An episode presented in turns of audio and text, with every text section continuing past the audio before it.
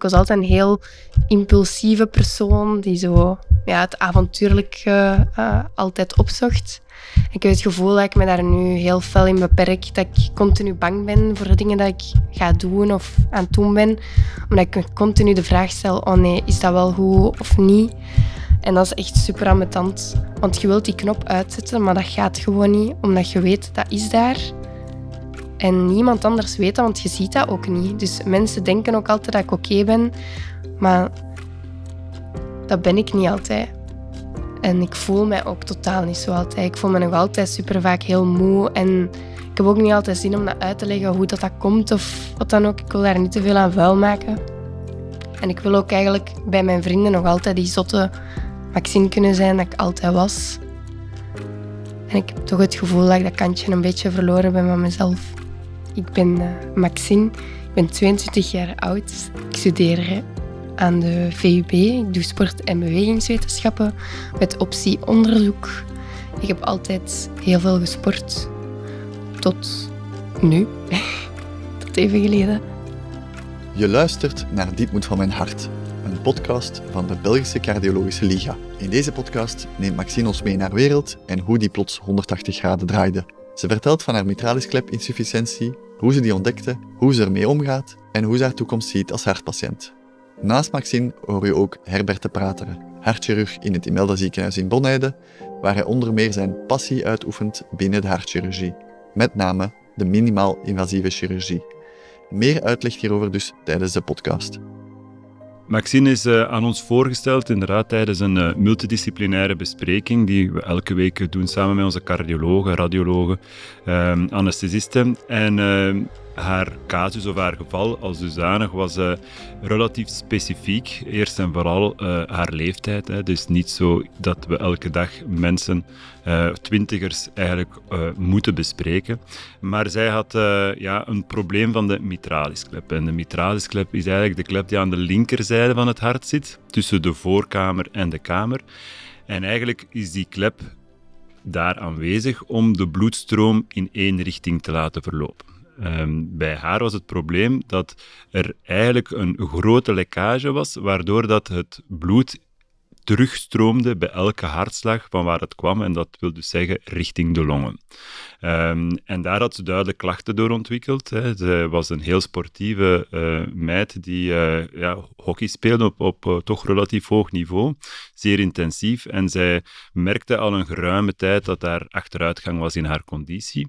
Um, en in haar, ja, haar inspanningstolerantie, zoals we dat dan noemen. Um, waardoor dat ze dan eigenlijk ja, gradueel een aantal onderzoeken heeft laten doen, waaruit dan uiteindelijk gekomen was dat die klep lekte. Um, die lekkage die was waarschijnlijk al een tijdje aanwezig, want we zagen ook wel dat er een aantal structurele veranderingen waren van het hart, uh, dat het gevolg is van zo'n uh, lekkage. Um, dus uh, het gewoon afwachten of conservatief blijven bij haar was zeker niet de juiste keuze op dat moment. Eind april hebben ze mij verteld dat ik geopereerd moest worden met, met traliesklep, omdat ik uh, niet genoeg zuurstof rondpompte naar mijn spieren, waardoor ik altijd heel moe was en eigenlijk niet meer zo presteerde zoals vroeger op vlak van sport. En ja, toen stortte mijn wereld wel even in. Ik heb altijd op heel hoog niveau gehockeyd. Um, ik heb ook sportkot gekozen omdat sport ja, mijn leven was. Ik doe dat graag. Ik wil aan de mensen meegeven. dat is het belangrijkste in mijn leven. En dat gaat altijd ook zo blijven. Ik heb eigenlijk dat ontdekt doordat ik mij heel slecht voelde het afgelopen jaar. Ik had heel vaak een benauwd gevoel, misselijk. Het gevoel dat ik, als ik in de douche stond, dat ik gewoon geen lucht in mijn longen kreeg, alsof mijn longen niet wouden vullen. Um, en ook het gevoel dat ik heel vaak ging vallen of duizelig werd. Dat ik vaak gewoon moest gaan zitten. Of uh, na een inspanning dat ik echt kapot was. Bijvoorbeeld na elke hockeymatch kon ik gewoon niet meer ik was super stijf de dagen daarna. Ook al sportte ik echt veel meer dan anders of ik trainde meer. Dat werd altijd erger en erger. Dus ik heb dan zelf besloten om naar de dokter te gaan. En daar hebben ze eigenlijk gewoon gezegd dat ik astma had. Um, dus ik heb heel lang gepuft dan. Maar na twee maanden had ik ook het gevoel van, ja, sorry, dat helpt echt niet. Dus ik ben dan nog eens naar de dokter geweest. Heb ik gevraagd van, kun je mij helemaal controleren? Ik voel mij geen enkele dag goed. Ik wil mij gewoon nog eens echt goed voelen, zoals vroeger. Ehm, kunnen jullie bloed trekken of zo, dat er misschien vitamine tekort zijn, weet ik veel. En dan hebben we dat ook meteen gedaan. Een heel onderzoek gedaan, maar eigenlijk hebben ze daar gewoon niks uit gevonden. Dat was voor mij ook wel heel confronterend, want ik voelde aan mijn lichaam dat er echt iets was. Maar ze zeiden mij telkens, nee, dat klopt niet. Ehm, ook in die bloedstalen, het enige wat er te zien was, was een verhoogde CRP-waarde. Dus het feit dat ik aan het vechten was tegen een bepaalde infectie. Maar die, ze konden mij ook niet zeggen welke infectie dat, dat was. Um, die was ook al verlaagd, dus waarschijnlijk was dat ook al subacuut op die moment. Um, maar ze hebben dan wel een heel klein ruisje gehoord aan mijn hart. Maar dat was een heel subtiel ruisje. Dus ze zeiden van, je moet je daar eigenlijk niet te veel zorgen om maken. We gaan gewoon een afspraak maken bij de cardioloog om dat gewoon toch ook te kunnen uitsluiten. En dan ben ik eigenlijk um, een maand later op eh, consultatie geweest bij de cardioloog. Um, ja, dat was dus eind april. Eigenlijk heb ik toen al te horen gekregen dat ik een redelijk grote lek heb. Alleen redelijk een, een, zeer grote lek heb aan de mitralisklep. Um, je hebt daar scores in. Een, eh, een 0 op 4 is het beste en ik had een 4 op 4. Maar dat hebben ze mij eigenlijk toen nog niet verteld. Ze hadden mij verteld de volgende, dat ik uh, de week erachter terug moest komen. Dan hebben ze zo een, uh, ja, een echografie gedaan naar het hart. En dat was eigenlijk ook een verschrikkelijke dag, want ik hoorde eigenlijk rondom mij alle dokters praten. En ik, ja, omdat ik zelf sportcode studeer, hoort je termen die je eigenlijk toch wel verstaat. Um, en ik voelde aan dat het echt niet goed was. Maar het ding was, niemand durfde het mij vertellen. Dus ze zeiden, we gaan het gewoon vrijdag bespreken met alle cardiologen van het ziekenhuis. En dan gaan we u bellen. En ik heb eigenlijk heel lang gewacht op een telefoontje en dan, ja, het was vrijdagavond en ik had nog steeds geen telefoontje. Dus ik had dan een vriendin van mij gebeld, want die papa werkt ook in het ziekenhuis. Ik zeg, ja, is dat normaal dat ik geen telefoontje gekregen heb als ze normaal toch iets gingen zeggen? Um, en die zei, ja, maar blijkbaar is geen nieuws goed nieuws. Dus ja, eigenlijk was ik redelijk gerustgesteld dat alles wel oké verlopen was. Dat dan toch niet zo ernstig was als dat ik dacht. Maar de volgende week uh, moest ik dan toch teruggaan. We hadden een afspraak bij de, ja, bij de chirurg eigenlijk al direct. En toen uh, zijn mijn mama en uh, mijn vriend meegeweest. En we eigenlijk te horen gekregen wat dat er scheelde. In tussentijd tot de operatie hebben ze heel veel testen gedaan, foto's genomen om te kijken of via wat ze het gingen doen, of ze open gingen doen of langs de zijkant, wat de mogelijkheden waren eigenlijk. Hebben ze ook uitgelegd wat ze gingen doen. Toen stelde ik de vraag aan de dokter, mag ik, mag ik nog sporten nu tot, tot de operatie? En toen zei hij eigenlijk meteen, nee, het is best dat je nu alles stopzet. Dus ja, vanaf die moment dat hij dat zegt, dan... Ja, dat is ineens 18 uur sport per week dat je gewoon niet meer kunt doen. Dat is gewoon heel leven, je uitlaatklep, dat ze gewoon van je afnemen. En je leert er natuurlijk wel mee omgaan. Er zijn varianten. Maar ze hadden mij wel gezegd, na de operatie kan dat misschien nog, uh, nog ophouden. Allee, daar ben ik nu ook aan bezig. Dus dat is een beetje ja, het probleem. Een jonge patiënt met toch een ernstige lekkage. Um, als we dat zouden laten blijven bestaan, dan is er te verwachten dat die patiënt steeds verder afglijdt, dat die hartfunctie achteruit gaat en dat er ook bijkomende problemen ontstaan, zoals bijvoorbeeld ritmeproblematiek. Um, en al die dingen samen hadden er dan voor gezorgd dat wij uh, haar verder hebben geëvalueerd voor een uh, klepoperatie. De klepoperatie zelf is uh, in haar geval toch uh, relatief specifiek in die zin dat we zagen dat er uh, ook wel aantasting was van de klepbladen. Ehm, heel vaak, en zeker bij de normale oudere populatie, zien we eerder dat er wat slijtage is van de klep of dat de klepblaadjes uit elkaar gerokken worden door uitzetting. Of dat er ergens een, ja, een ophanging van de klepblaadjes kapot is gegaan.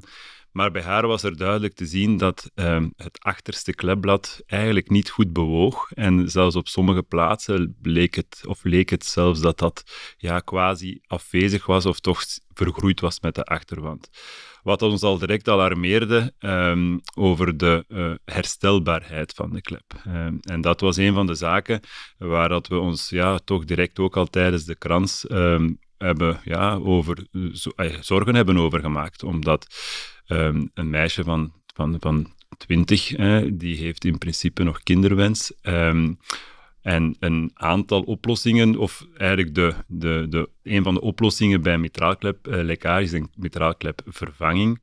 Maar dat was bij haar van in het begin eigenlijk niet echt wenselijk, omdat op die leeftijd heel vaak, of eigenlijk best voor een mechanische kunstklep zou gekozen worden, um, die dan eigenlijk een zwangerschap uh, in de weg zou kunnen staan door de ontstolende medicatie die daarvoor noodzakelijk is. We hebben dat dan ook uh, zo natuurlijk van in begin met Maxine besproken. Um, we hebben haar verteld dat we eigenlijk ook niet echt goed wisten op dat ogenblik wat dat de juiste oorzaak was. We zagen wel dat uh, het voorste klepblad eigenlijk te ver doorsloeg uh, ten opzichte van het achterste klepblad.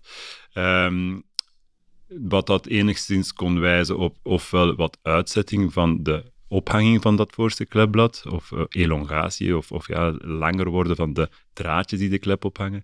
Maar anderzijds zagen we ook inderdaad dat de achterste klepblad ziek was, waardoor dat we haar verteld hebben dat ja, de, het, de kans op herstel zeker niet 100% was. Um, en we hadden dan ook afgesproken, als we ze echt niet konden herstellen, dat we dan ja, toch voor een tijdelijke oplossing gingen zoeken, of zorgen beter, um, in de zin dat we dan toch eventueel toch beter voor een biologische klep zouden kiezen. Maar een biologische klep had dan weer in haar geval ook weer beperkingen, omdat een biologische klep een, ja, een biologisch materiaal is dat dan ook onderhevig is aan slijtage. En de snelheid van die slijtage bij jonge mensen is heel moeilijk in te schatten. Uh, gemiddeld bij de oudere populatie zeggen we 12 à 15 jaar. Maar wederom, bij jonge mensen zien we dat dat veel sneller gaat, omdat het immuunsysteem actiever is, eh, calcium, metabolisme. Er zijn een aantal zaken, we kunnen daar niet 100% onze vinger op leggen wat dat het is, maar het is wel zo dat die sneller uh, verslijten. Wat dat dan ook weer zou betekenen dat ze zeer snel terug zou moeten geopereerd worden. Uiteindelijk hebben ze gekozen voor een mitralisklepplastie. Ze hebben dan besloten om een klein ringetje te plaatsen rond de hartkleppen, waardoor dat die eigenlijk dichter naar elkaar toe gaan staan, dat, die, dat dat lek eigenlijk kleiner wordt. Want ik heb eigenlijk mijn rechter klepplatje is heel stijf en daardoor hebben ze dat eigenlijk wat dichter naar elkaar toe proberen trekken. Maar tijdens de operatie hebben ze gezien dat ik een uh, infectie had op mijn hartklep, wat ze niet verwacht hadden. En hebben ze onverwacht een deeltje van die klep moeten wegnemen. Dus uiteindelijk hebben ze het ringetje wel geplaatst. Maar dat was eigenlijk ook een heel moeilijke keuze, want ze wisten dat ik geen, nog geen nieuwe klep wou. In de toekomst ziet dat er wel zo naar uit dat ik dat waarschijnlijk ooit ga moeten hebben. Maar nu, door die, doordat ze dat deeltje hebben moeten wegnemen, stonden ze toch wel voor een groot dilemma van gaan we dat nu doen of gaan we dat niet doen? Nu, ze hebben dan uiteindelijk gekozen om dat niet te doen, omdat ze dachten misschien na de operatie kan dat nog verbeteren. Als het hart terug een beetje verkleint, um, kan dat nog een 1 op 4 worden. Maar een maand later hebben we nog altijd gezien dat het een 2 op 4 is momenteel. Dus dat is nog altijd geen op- en top resultaat, maar toch al beter dan die 4 op 4 dat ik heb, waardoor hartfalen vergroot wordt. Maar daarom is het nu wel van dag tot dag echt leven en belangrijk dat ik zo ja, geniet van elke dag, omdat ik weet het kan van de een op de andere dag slechter zijn. En ik kan ook het nieuws krijgen elke dag dat ik opnieuw um, een operatie moet hebben. Ze hebben mij voor de operatie ook die vraag gesteld van stel er is iets en we moeten toch een nieuwe klep steken. Zou het dan een biologische of een mechanische klep zijn? En dat was eigenlijk een, een heel moeilijke uh, beslissing, want ja, een biologische, dat gaat natuurlijk niet zo lang mee. Ja, acht tot max 15 jaar. En dat was eigenlijk ja, toch confronterend, want ja, binnen acht jaar ben ik ook nog altijd maar 30. Um, ehm, maar ja, die klep had ik dan wel gekozen, um, omdat dan had ik nog altijd kans om, om toch kinderen te krijgen, wat toch mijn grootste kans, allez, mijn grootste wens in het leven is. Ehm, terwijl als ik de mechanische klep direct zou gekozen hebben, ja, dan moet je zo'n zware medicatie nemen dat je geen kinderen meer kunt krijgen. En daarom was ik er eigenlijk ook zo, ehm, ja, zo voor dat ik echt per se die ring wou. Ik wou gewoon nog niet direct weten van er zit een klep, ik moet daar rekening mee houden. Ik wil gewoon nu, voor zolang dat die goed is, en misschien is dat maar tot eind dit jaar, dan is dat zo, maar misschien is dat ook wel vijf jaar. En misschien heb ik dan toch gewoon op een natuurlijke wijze die, ja, mijn wens kunnen waarmaken. En als ze mij dan later zeggen, ja, je moet een nieuwe klep hebben, dan gaat dat voor mij denk ik minder moeilijk zijn. De beelden na de operatie. Dus na de operatie bekijken we altijd het resultaat, vooral dat de patiënt naar intensieve zorg gebracht was, leek er eigenlijk een, nog een minimale lekkage te zijn. Hè. Maar zoals uh, Maxine beschreven heeft, um, zijn er gradaties en zij starten met een 4 op 4 lekkage, dus eigenlijk de maximale gradering. En uh, na de operatie werd dat als een 1 op 4 uh, bekeken, wat perfect aanvaardbaar is. En eigenlijk in de populatie, als je dat echt gaat bij iedereen een echo doen, ook heel vaak gaat terugvinden zonder enige klinische relevantie. Dus om die reden hebben we dat dan ook op, dit, op dat moment zo aanvaard. Um, en is eigenlijk de postoperatieve fase heel vlot gegaan. Dus is heel snel terug naar de gewone kamer uh, kunnen gaan. Gezien de bevindingen hebben we dan wel direct uh, gestart met antibiotica om de uh, ring waarmee dat die diameterreductie gebeurt was te beschermen tegen eventuele infectie. Um, en um, ja, de dagen nadien, en dat heeft even geduurd, hebben we uh, dan ook resultaat gekregen van, uh, de, van de kweken en ook van het microscopisch onderzoek. En daaruit bleek toch uit microscopisch onderzoek dat er sterke argumenten waren op toch nog actieve uh, ontstekingscellen. De kweken zelf hebben uiteindelijk niets opgeleverd. Het is natuurlijk ook zo dat er juist voor de operatie, voor het insnijden, ook wel antibiotica wordt gegeven. Heeft dat een invloed daarop gehad? Dat is, dat is moeilijk in te schatten. Nu, gezien haar leeftijd, ehm, hebben we dan natuurlijk ook geen risico's willen nemen. Waardoor dat we dan eigenlijk uh, van meet af aan met een, een heel breed spectrum uh, antibioticum therapie, dus een samenstelling van verschillende antibiotica, eigenlijk geprobeerd hebben om dat zo goed mogelijk in te dijken. Ze heeft dan ook zes weken die antibiotica intraveneus uh, moeten krijgen, uh, deels in het ziekenhuis, deels uh, in thuisbehandeling door een verpleegkundige, ehm, waardoor dat we eigenlijk, ja, laat ons zeggen, met met een zo groot mogelijke kans die infectie hebben onder controle gekregen. Ik zit met een heel grote onzekerheid en ik denk de dokters ook. Doordat ze mij geen antwoorden kunnen bieden. Ik ben ook iemand dat continu vragen stelt, dat alles goed wilt weten. Omdat ik daar zelf heel erg in geïnteresseerd ben in het menselijk lichaam. En ik vond het dan ook zo bizar dat ze dat gewoon ook niet vonden. Ze kunnen zoveel en dan dit niet. En dat is moeilijk om mee om te gaan. Maar dat is wel iets waar dat jij heel je leven mee moet leven. Van ja, er is iets gebeurd van binnen en ja, dat is je motor. Dus dat is echt moeilijk om te accepteren dat je gewoon ook niet weet. We zijn altijd van mening dat een eerlijke communicatie het allerbelangrijkste is. Voor eerst, uh, we zijn uh, artsen, we zijn geen tovenaars, dus we, we weten op voorhand wat dat, uh, de risico's zijn van de ingreep. Um, en ook de resultaten in haar geval hadden we goed besproken. Dus ze heeft nu wel nog een, een, een, een kleine restlekkage, die op dit ogenblik, hè, dus verder nog eens opgevolgd in, in tussentijd, eigenlijk relatief stabiel is. Ik denk dat onze hoop moet zijn uh, dat Maxine daar nog vele jaren rustig kan mee doorleven. Uh, en ook, uh, want ik denk dat de kinderwens zeker uh, aanwezig is, dat ze ook haar kinderen kan krijgen. En dan gaat het er een beetje van afhangen. Um, komt er een moment dat die klep toch weer verder begint te lekken? Want er is sowieso bij zo'n een, doorgemaakte endocarditis, dus een ontsteking van die hartklep, mogelijk ook wel wat verlietekening van dat weefsel. Moest het zijn dat die toch feller begint te lekken, dan is een heroperatie altijd mogelijk en mogelijk zelfs ook weer via zo'n minimaal invasieve weg. En dan zal het er een beetje van afhangen, denk ik, van de leeftijd waarop dat, dat gebeurt.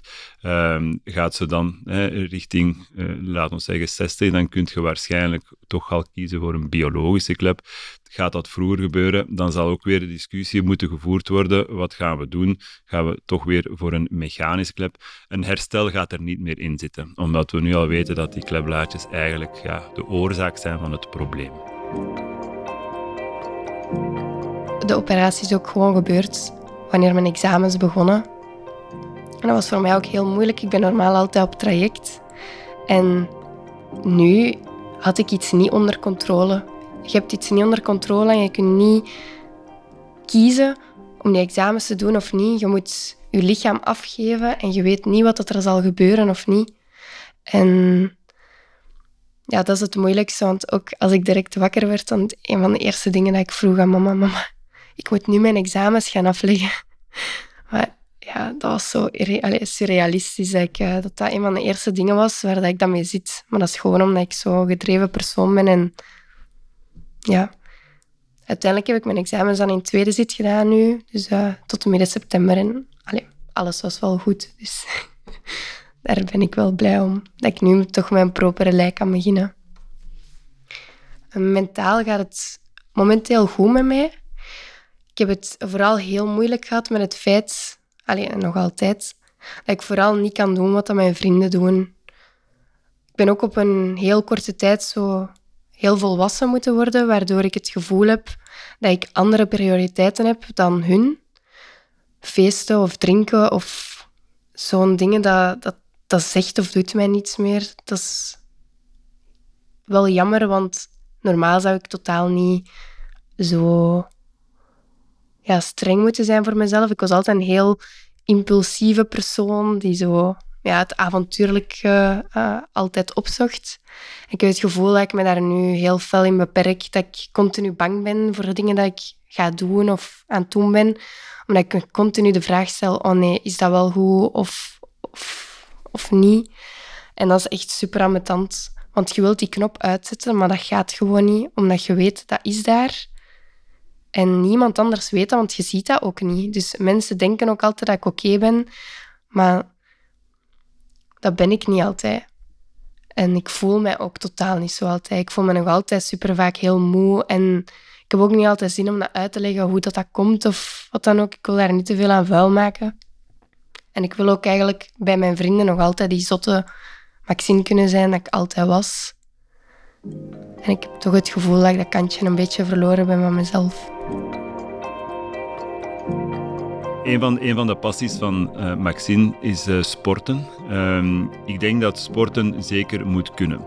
Um, het zal natuurlijk, de vraag gaat zijn, gaat ze nog haar topniveau halen dat ze voordien heeft gehaald? Um, en dat is, dat is denk ik iets dat we op dit moment niet 100% kunnen voorspellen. Er zal veel van afhangen hoe dat die lekkage zich ook gedraagt tijdens inspanningen. Maar dat ze een normaal leven kan leiden met, met recreatief sporten, dat, dat is in principe wel de bedoeling. Zoals gezegd, ja, de, de, een klepvervanging met een mechanische klep zou ook topsportniveau ook moeilijk maken. Dus het is een beetje, um, ja, een beetje kiezen ook naar levenskwaliteit toe, um, dat uh, ons gedreven heeft om toch voor een, een, een, misschien suboptimaal resultaat te kiezen met een klepherstel, maar wel een resultaat waar dat ze in principe eigenlijk wel goed mee gaat kunnen leven. Ik mag nu wel de revalidatie doen, dat is drie keer per week. En dat is ook wel heel confronterend, omdat je daar eigenlijk zit met ja, een gemiddelde leeftijd van 60, 70 jaar. En ik heb nog nooit iemand gezien van mijn leeftijd daar. En daar heb ik het eigenlijk heel moeilijk mee. Um, niet omdat ik dat niet tof vind om met die oudjes om te gaan, want ik vind dat geweldig. Ik kom altijd goed overeen met de meeste mensen. Maar gewoon omdat je mm, op die momenten echt beseft wat er gaande is. En je wordt elke keer dat je in een revalidatiezaal zit, geconfronteerd met wat dat je hebt. En of ik ooit terug mag sporten, dat is dan natuurlijk de, de grote vraag die ik mezelf ook elke dag stel. Ik heb ehm, al gevraagd of dat ik zo al krachttrainingen op mezelf van mag doen, want in de revalidatie is het vooral cardio. En we hebben gezegd dat ik kracht mag doen, maar ik mag bijvoorbeeld niet boven een bepaalde hartslag gaan of zo. Um, ik mag ook niks alleen doen, zo voor wat als. Maar dus gewoon doordat ze ook al zeggen van... je moet daartussen blijven of je hebt, je hebt limieten bij alles. Dus dat is ook heel ambetant, waardoor dat je het ook vaak niet durft. Je moet echt gewoon je eigen grenzen leren kennen, maar dat, dat durf ik ook niet alleen. Enkel als ik in die revalidatie ben, dan kun je dat doen omdat je weet, er zijn mensen met kennis rondom je, die weten wat ze moeten doen in welke situatie. En ik neem ook nu bepaalde medicatie, waardoor ik ook gewoon nooit meer ga kunnen presteren zoals dat ik deed. Dat zijn uh, beta-blokkers, dus hartslagverlagers. Ehm, en ik vind het niet erg om die medicatie te nemen, maar dat is wel gewoon ook weer het besef dat je krijgt om nooit meer hetzelfde te kunnen doen. Dus ik probeer nu eigenlijk uitdagingen te vinden in wandelen, een beetje joggen. Ik, durf, ik heb nog nooit wel alleen gejogd, maar ik hoop dat wel te kunnen doen. En uh, ik heb nu ook een fitnessabonnement. Dus ook daar kan ik soms eens heen. Een van, een van de vragen die Maxine zich waarschijnlijk zal stellen is: uh, had ik deze infectie kunnen voorkomen? Uh, dat is op zich een zeer goede vraag, denk ik. Um, nu, anderzijds denk ik dat zij op zich niet echt heel veel risicofactoren in haarzelf heeft verzameld. Maar hoe ontstaat een endocarditis? Een endocarditis ontstaat eigenlijk doordat er bacteriën in de bloedbaan circuleren en zich vastzetten, meestal op een klep waar dat er vaak wel al een structureel probleem is. Soms is dat kalk, soms is dat ehm, een vergroeiing of een oneffenheid in het klepblad. En een keer als daar een infectie op vastendt en die beestjes zitten daar goed, of die bacteriën zitten daar goed, dan beginnen die, die zich te reproduceren. Een klassieker voor endocarditis zijn tandproblemen. Heel veel mensen met tandproblemen ontwikkelen rond hun tandwortel abscessen. Uw mond zit vol met bloedvaten. Is een ideale ja, toegangspoort tot de grote bloedvaten. Dus langs die bloedvaten gaan die bacteriën dan uh, richting het hart en zo ontstaat er dan een endocarditis. Drugsgebruik, IV-drugsgebruik is ook wel iets, maar dat is uh, een zeldzaamheid. Uh, dat zijn eigenlijk de, grote, de twee grote groepen die we zien. Er zijn, nog, er zijn nog andere redenen. Het komt er eigenlijk altijd op neer als er de, de huidbarrière of, de, of de, de barrière tussen buitenwereld en binnenwereld, laat ons zeggen, ons lichaam doorbroken wordt op een plaats en er kunnen bacteriën naar binnen gaan, is dat altijd een risico om een, uh, ja, een endocarditis te ontwikkelen, maar heel vaak op vooraf bestaand uh, hartklep. Ja, ik moet over alles nadenken. Het is, dat is gewoon een deeltje van mij nu. Hè. Je, je, maar je leert daar wel mee omgaan, maar het is op sommige momenten zo oneerlijk gewoon. Omdat je ook ik wil gewoon terug die dingen kunnen doen dat ik kon. En op veel dagen voel ik me zo incompetent, omdat ik precies het gevoel heb dat ik niet meer kan geven aan mensen wat ik altijd kon. En dat heeft niet per se te maken met dat ik nu minder kan, maar puur omdat ik mij onvolledig voel. Ik voelde mij na de operatie vooral heel zwaarmoedig doordat ik geen klankbord had. Dat ik niemand had die hetzelfde had meegemaakt van mijn leeftijd, waar ik gewoon eens mee kon praten over hoe dat hij dat ervaren heeft. Ehm, eigenlijk vooral ook omdat ik geen antwoord kreeg als ik aan de dokters vroeg hoe lang gaat die ring mee. Dat is natuurlijk een heel ambetante vraag dat dokters kunnen krijgen, maar ik wil daar dan ja, een cijfer op geplakt. Maar ehm, ja, dan zeggen ze, ja, dat weten wij niet, dat kunnen wij niet voorspellen. Ja, dat zijn antwoorden dat je natuurlijk niet wilt, maar misschien ook wel, want als ze je zeggen, ja, drie jaar, dan wordt dat natuurlijk ook heel moeilijk om mee om te gaan. Dus ik denk dat ze ook voorzichtig met mij willen zijn. Zeker omdat ze ook uh, nog nooit zo'n jonge patiënt gehad hebben. En ze weten het ook gewoon effectief niet. Maar daarom zou ik graag een, uh, een oproep willen doen naar alle jongeren die ook hartproblemen hebben of een operatie hebben gehad uh, aan het hart. En die misschien eens met mij zouden willen samenzitten. Zodat we daar eens over kunnen praten en, en onze gedachten wisselen en positiviteit uitstralen. Of uh, misschien zelfs het initiatief nemen om uh, een hartclub voor jongeren op te richten. Want die zijn er gewoonweg veel te weinig. En dat zou ook een droom van mij zijn, mocht dat er wel zijn. Bedankt om te luisteren naar deze aflevering van Dit moet van mijn hart. Om ervoor te zorgen dat deze verhalen gehoord kunnen blijven worden, kan je de Belgische Cardiologische Liga steunen. Hiervoor kan je surfen naar ligecardioliga.be steun. Het is dankzij jouw bijdrage dat we ons kunnen blijven inzetten voor de preventie van hart- en vaatziekten in België.